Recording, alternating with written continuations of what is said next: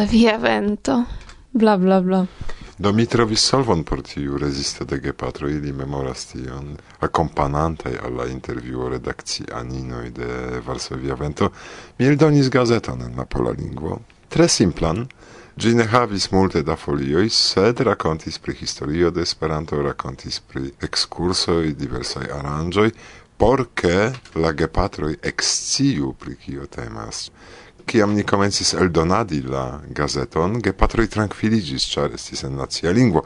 Eble estas solvo eldoni iun gazeteton dum unu monato numeron en via propra lingvo, por ancau ge patroi legu pri kio temas. Vi pravas, tio povas ankaŭ est la solvo. Do adone ni usas ancau interreto, exemple, ni registras etain videoin, kiu clarigas pri la avantaĝo de la lingvo Esperanto, kai ĉar multaj eh, gepatroj havas poŝtelefonojn do ili aŭskultas kai eĉ tra interreto ili malkovras ke Esperanto ne estas iu loka lingvo aŭ kiu apartenas al religio kaj tiel plu do nuntempe almenaŭ eh, multaj gepatroj komencas kompreni la avantaĝon de Esperanto tamen gazetoj tio povas esti ankaŭ tre bona metodo konvinki ilin. Jes, do la infanoj povas kontribui skribi artikolon ekzemple kai tio ne costas multe, char kiam oni havas printilon, oni povas printi kai al ciu lernanto disdoni tion unufoje dum monato kai ankaŭ gepatroj legu. Kiom longe vi konas Esperanton? Do, mi aulis pri Esperanto kiam estis infano, ĉar mia patro parolis Esperante ĉe mia hejmo. Serioze antaŭ dek unu jaroj. Kio signifas serioze? Lerni la lingvon serioze mi komencis antaŭ dek unu jaroj. Kio konvinkis vin por lerni Esperanton, ĉar vi bone parolas kaj instruas la anglan, do por kiu diablo vi bezonas tamen Esperanton? Do, kiel dirite, mi malkovris ke Esperanto konstruas ponton al la mondo.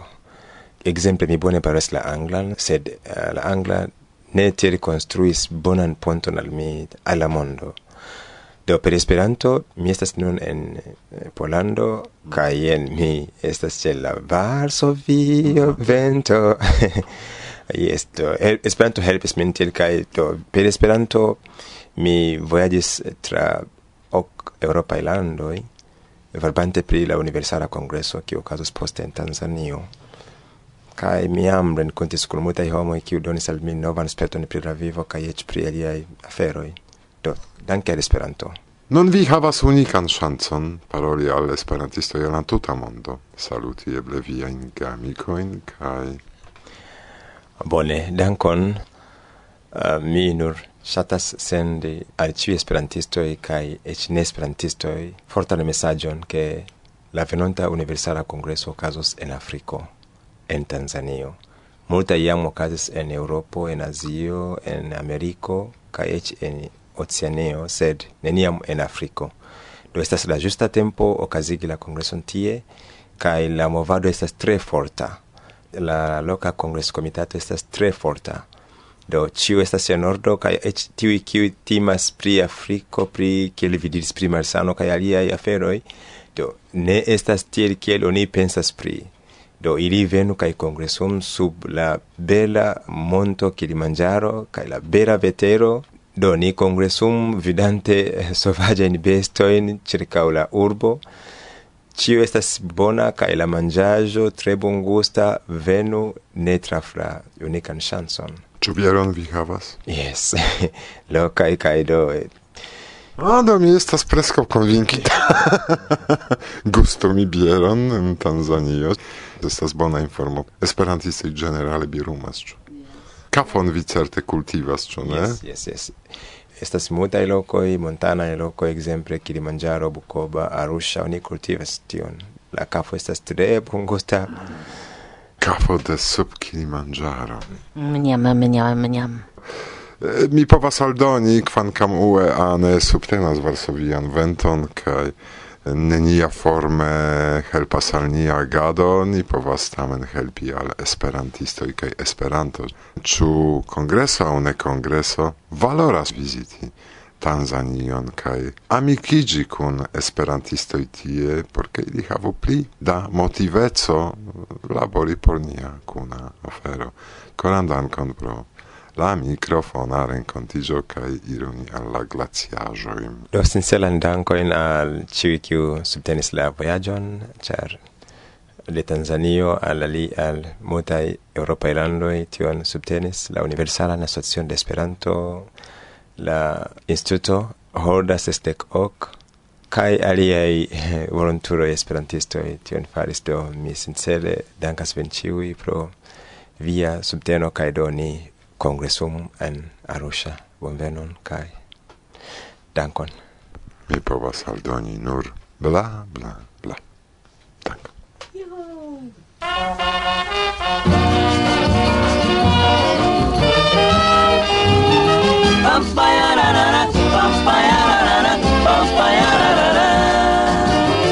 Ya mi se pentru Iisus, că nu-i nevem, veci prin pardon. only a bon far, but it's spinning again, e perfida manie. Ne pripensu dujem, priskota reven, i ne volaj svim pru. Čani je vraza dolemi, a u jako roalju naspe. Ja mi se pentu, Iisus, pe lumii heaven, trece pre la pardon. Pe al mea bonfar, pague espera da quem, em perfida manie ne prepenso dujen Prisonta reven, tine vola simplu Qa një braza do të liau, ja kurruan nga shpesu Jam tre ma ufruash, por si muli amonua u vitë e am trema au fruas, jarnicentas nauzam antau vi. I am trema au fruas, miru for de ti en ti. E am serpentos au fruas, miru for de ti en ti. Iam sepentus visum genum de da quem ci brilla pardon. Fial em perfida manier ne pripersoduje prisutnebe, mi ne volaš vin plu. Čani je vlaza do nebi, on ja burrua tu ja stesu. Jam trema fluas, por si muli amo numami. Jam trema fluas, já me senta na outra Jam trema fluas, tiro por de ti e ti. Jam trema mãos nuas, tiro o poder que é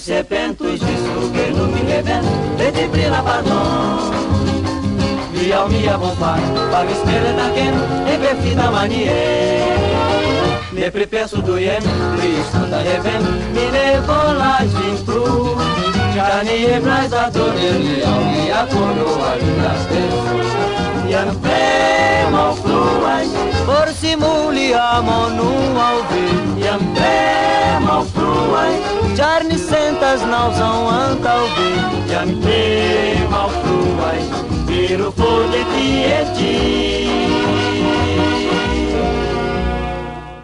Varsovia vento. Bla bla bla.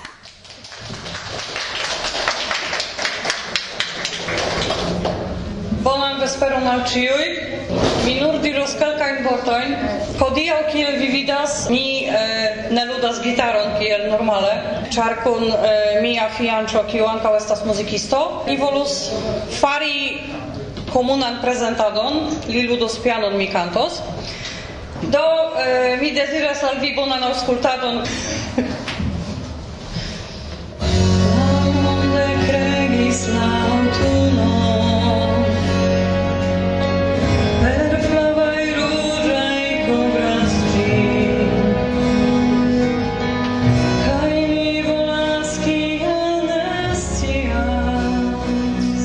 1, 2, 3, 1, 2, 3, saluton, antau mikrofono ce la koridoro nun estas? Saluton, Robert Kamiński, redaktoro de Pola Esperantisto. Kaj kial vi decidis veni al Arcones ciare? No, kutime mi ciam volas partopreni, ciam eblas.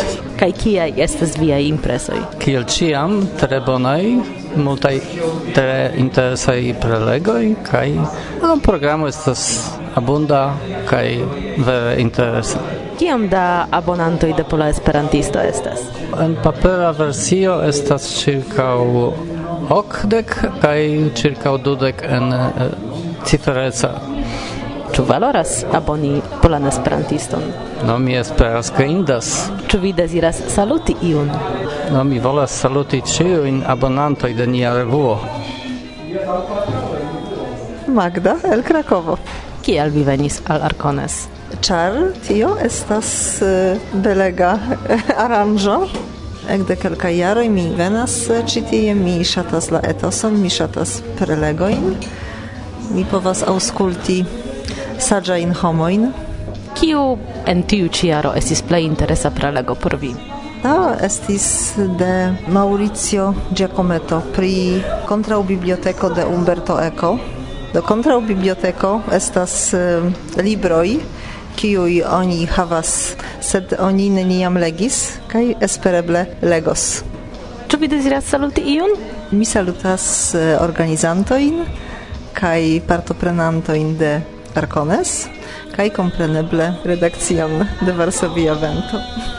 Bla, bla, bla.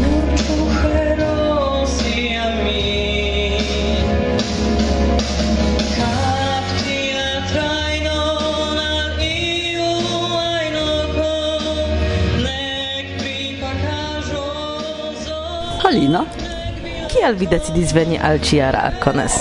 ĉar mi decidas ĉiujare veni, estas mia dudek sepa Arcones. Uuu, do baldaŭ jubileo. Se okazos, do certe mi festos tridekan.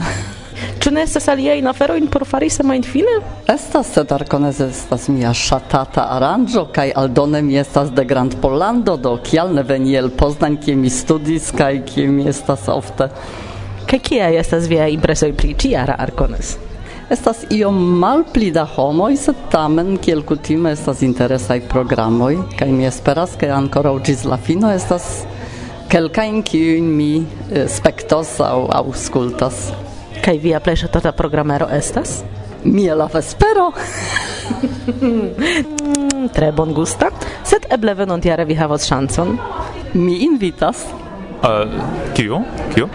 Kiu vi estas? Yes, uh, mi estas uh, uh, esperantisto, mi estas uh, uh mia nomo estas uh, Giaci. Ja. Yeah. Kaj el kiu lando vi venas? uh, mi venas de Ĉinio. Uh, nu, uh, sed nun uh, mi studas en Berlino. Uh, mi aŭdis ke estas una granda uh, evento ĉi tie uh, und mia amigo yes uh, invitis mi uh, veni ĉi tie do mi venas yes. Kiaj estas ĝis nun viaj impresoj pri Arcones? Uh, mi havas impreso ke estas estas uh, tre bone organizito und uh, estas uh, tre interesaj aktivaroj, multaj kursoj, multaj aktivaroj kaj la muziko estas estas um, bona mm, atmosfero. Yes. Mark Cuffy?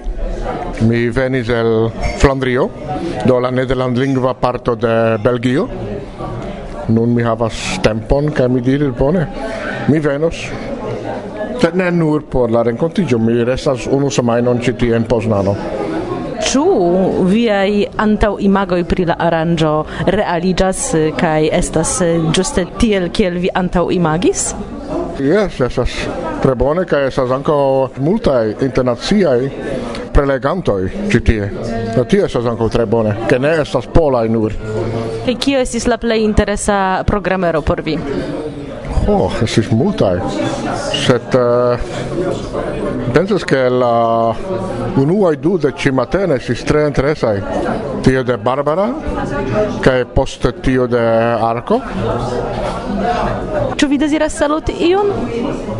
Mi volas saluti la homojn en eh, uh, radio Flandrio, Valonio, Bruselo. Kaj mi esperas ke ni havos baldaŭ tre bonan Beneluxan kongreson en Bouillon fine de la monato. Foppa Klaas Hovinga, El Nederlando. Kial vi decidis veni al Arcones? Char mi shatas iri al convenoin, speciale citie, uh, eh, char mi uh, egino estas el Poznano. Ču vi shatas, ču vi duas Arcones? Uh, eh, yes, mi shatas. Mi shatas uh, eh, audi la prelegoin, kai estis muziko, kai mi shatis tion. Kiu estis via plej ŝatata programero? Do mi shatis uh, la prelego pri UEA, ex exemple. Ja. Ni ĝuste audis. Ĉu vi ŝatus saluti iun? Mm, mi ŝatas uh, ehm, saluti kompreneble niajn uh, aŭskultantojn en uh, Nederlando. Koran dankon.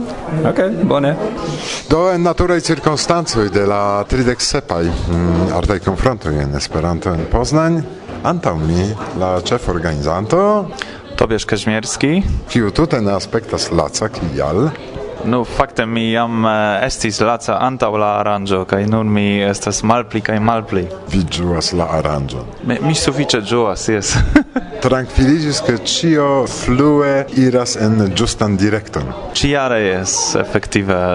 Nu, estas sen uh, grandaj problemoj, ĉio iras glate kaj mi povas iomete ripozi sed la lasta semajno estis preskaŭ sendorma, mi dormis po kvar kvin horojn por uh, finfari la programon, poste broŝuron, kompreneble kun aliaj uh, kunlaborantoj.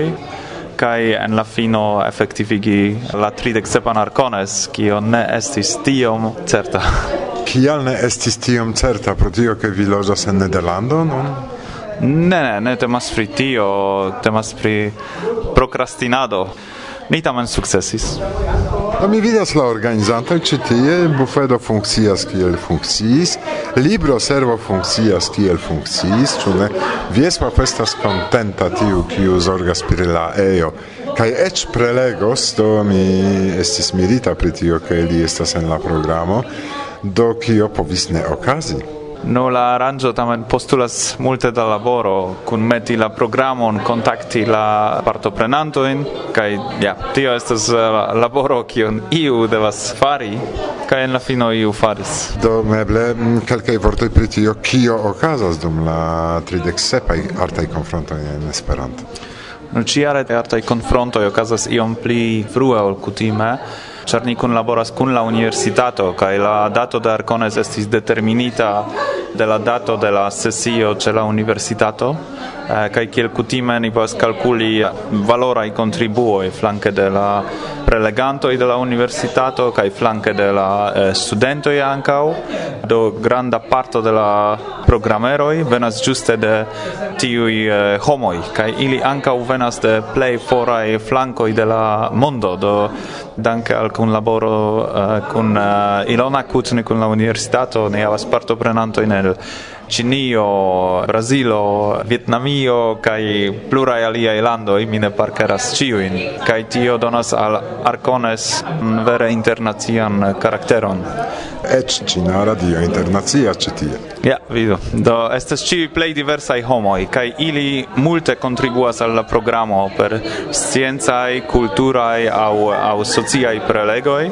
Venas ankaŭ eh, gravuloj de UEA paroli pri siaj spertoj, ekzemple Marco Fetes, eh, ankaŭ Barbara Pieca kaj Marco venis eh, ankaŭ por la successio de la universitato. Do ankaŭ tion ni povas danki al eh, Ilona Kutne. Krome en la ciara programo ni eh, planis iom pli da spaco por eh, la programeroj dediĉitaj al Poznano, do pri Poznano au fare de poznananoj, ankaŭ novaj poznananoj, mi celas ukrainoj loĝantaj en Poznano, kiuj multe kontribuis al la arta programo de la aranĝo kaj en sabato ni ĝuos eh, la kutiman mielan vesperon kun partopreno de ĉefe eh, lokaj artistoj Suzana Mirek, Oksana Mirgorodskaja.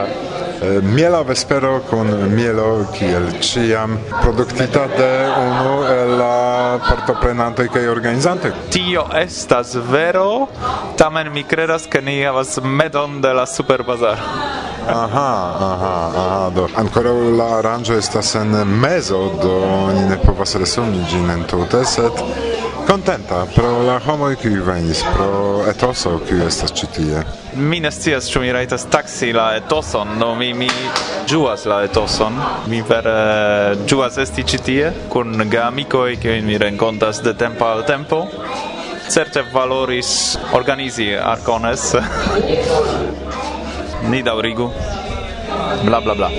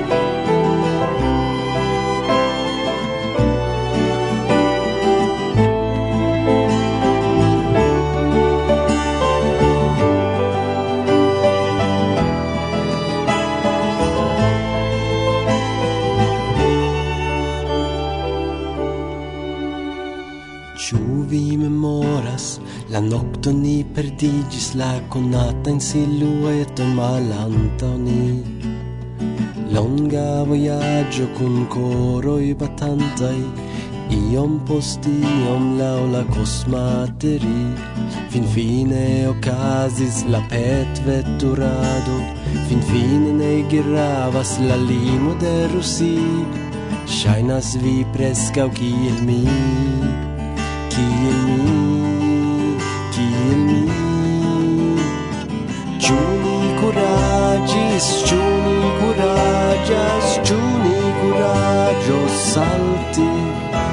mallumon por atingi sur nu sur nu, hela nun.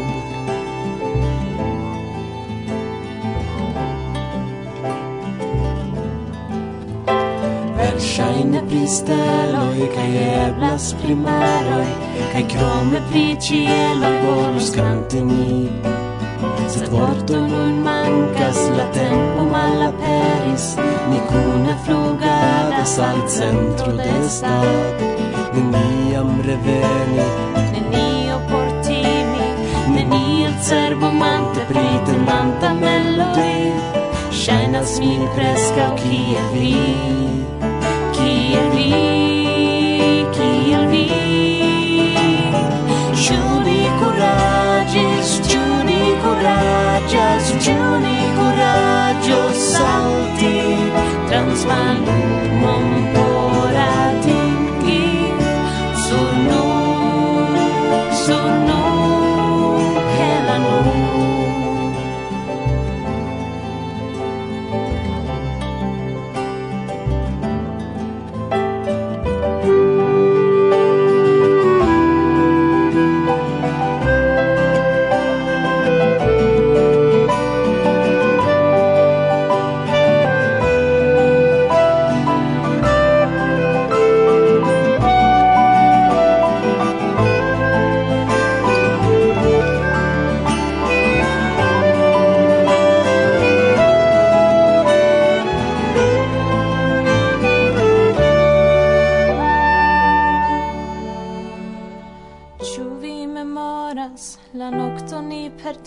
en moment ni ekte siris kapton in liber.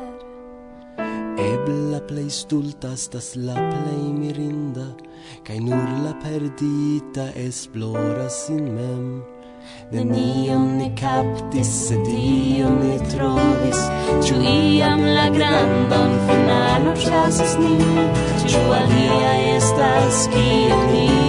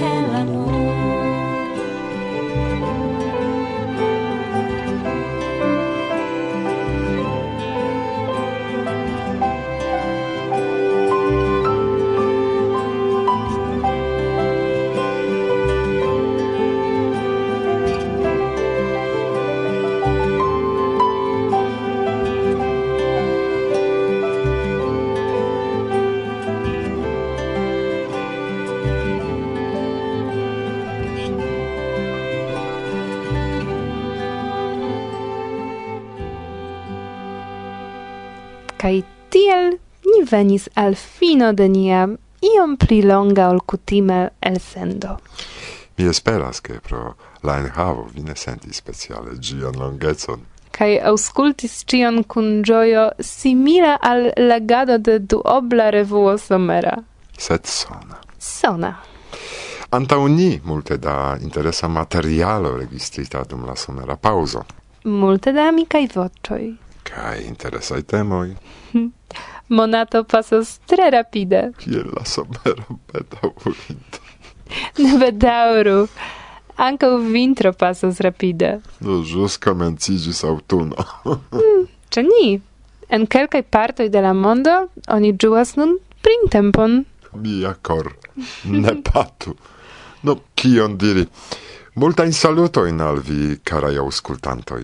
Kaj ĝis la baldaŭa reaŭdo, kie ajn vi loĝas? Ĝis la sekva elsendo. Ĝis... Thank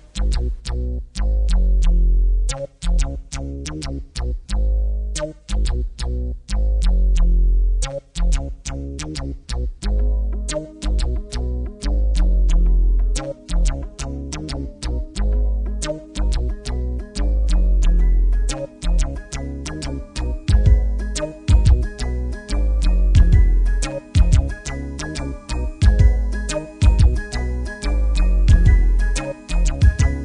Facilas che Scheherazad racconti mal Malfacilas masci contro vento de sabloi. Facilas ne vidi cae cunacciuloi Collabori Malfacilas politiche contro austeri Facilas arme armeo pafi iun per kuglo Malfacilas trakti malamikon kun indulgo. Facilas rompi la koron kaj lasi iun en agonio. Malfacilas daŭre pluvivi post amistorio. Facilas fanfaroni pri homa evoluo Malfacilas enspiri en nia poluo. Facilas por juĝisto alsendi homon al mortalo Malfacilas ekdubi pri sia propra moralo. Facilas promesi internacian televidon. Malfacilas pri Flavio havi plu da filo Facilas sin kaŝi malantaŭ Dio kaj libro. Malfacilas trovi en si mem ek ekvilibro Facilas kulpigi alian vivmanieron kaj emon. Malfacilas batali kontraŭ tutan sistemon. Facilas ĉiam uzi ironion aŭ sarkasmon Malfacilas trovi en la vivo entuziasmon Facilas obei laboron strikte Malfacilas daŭri sen salajro strike Facilas por ni paroli kun fluo kaj poetiki Malfacilas provi repi. Post la paf klik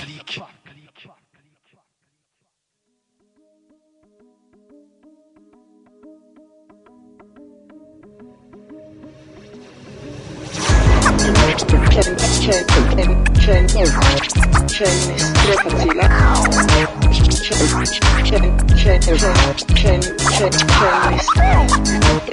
černý, Can, can,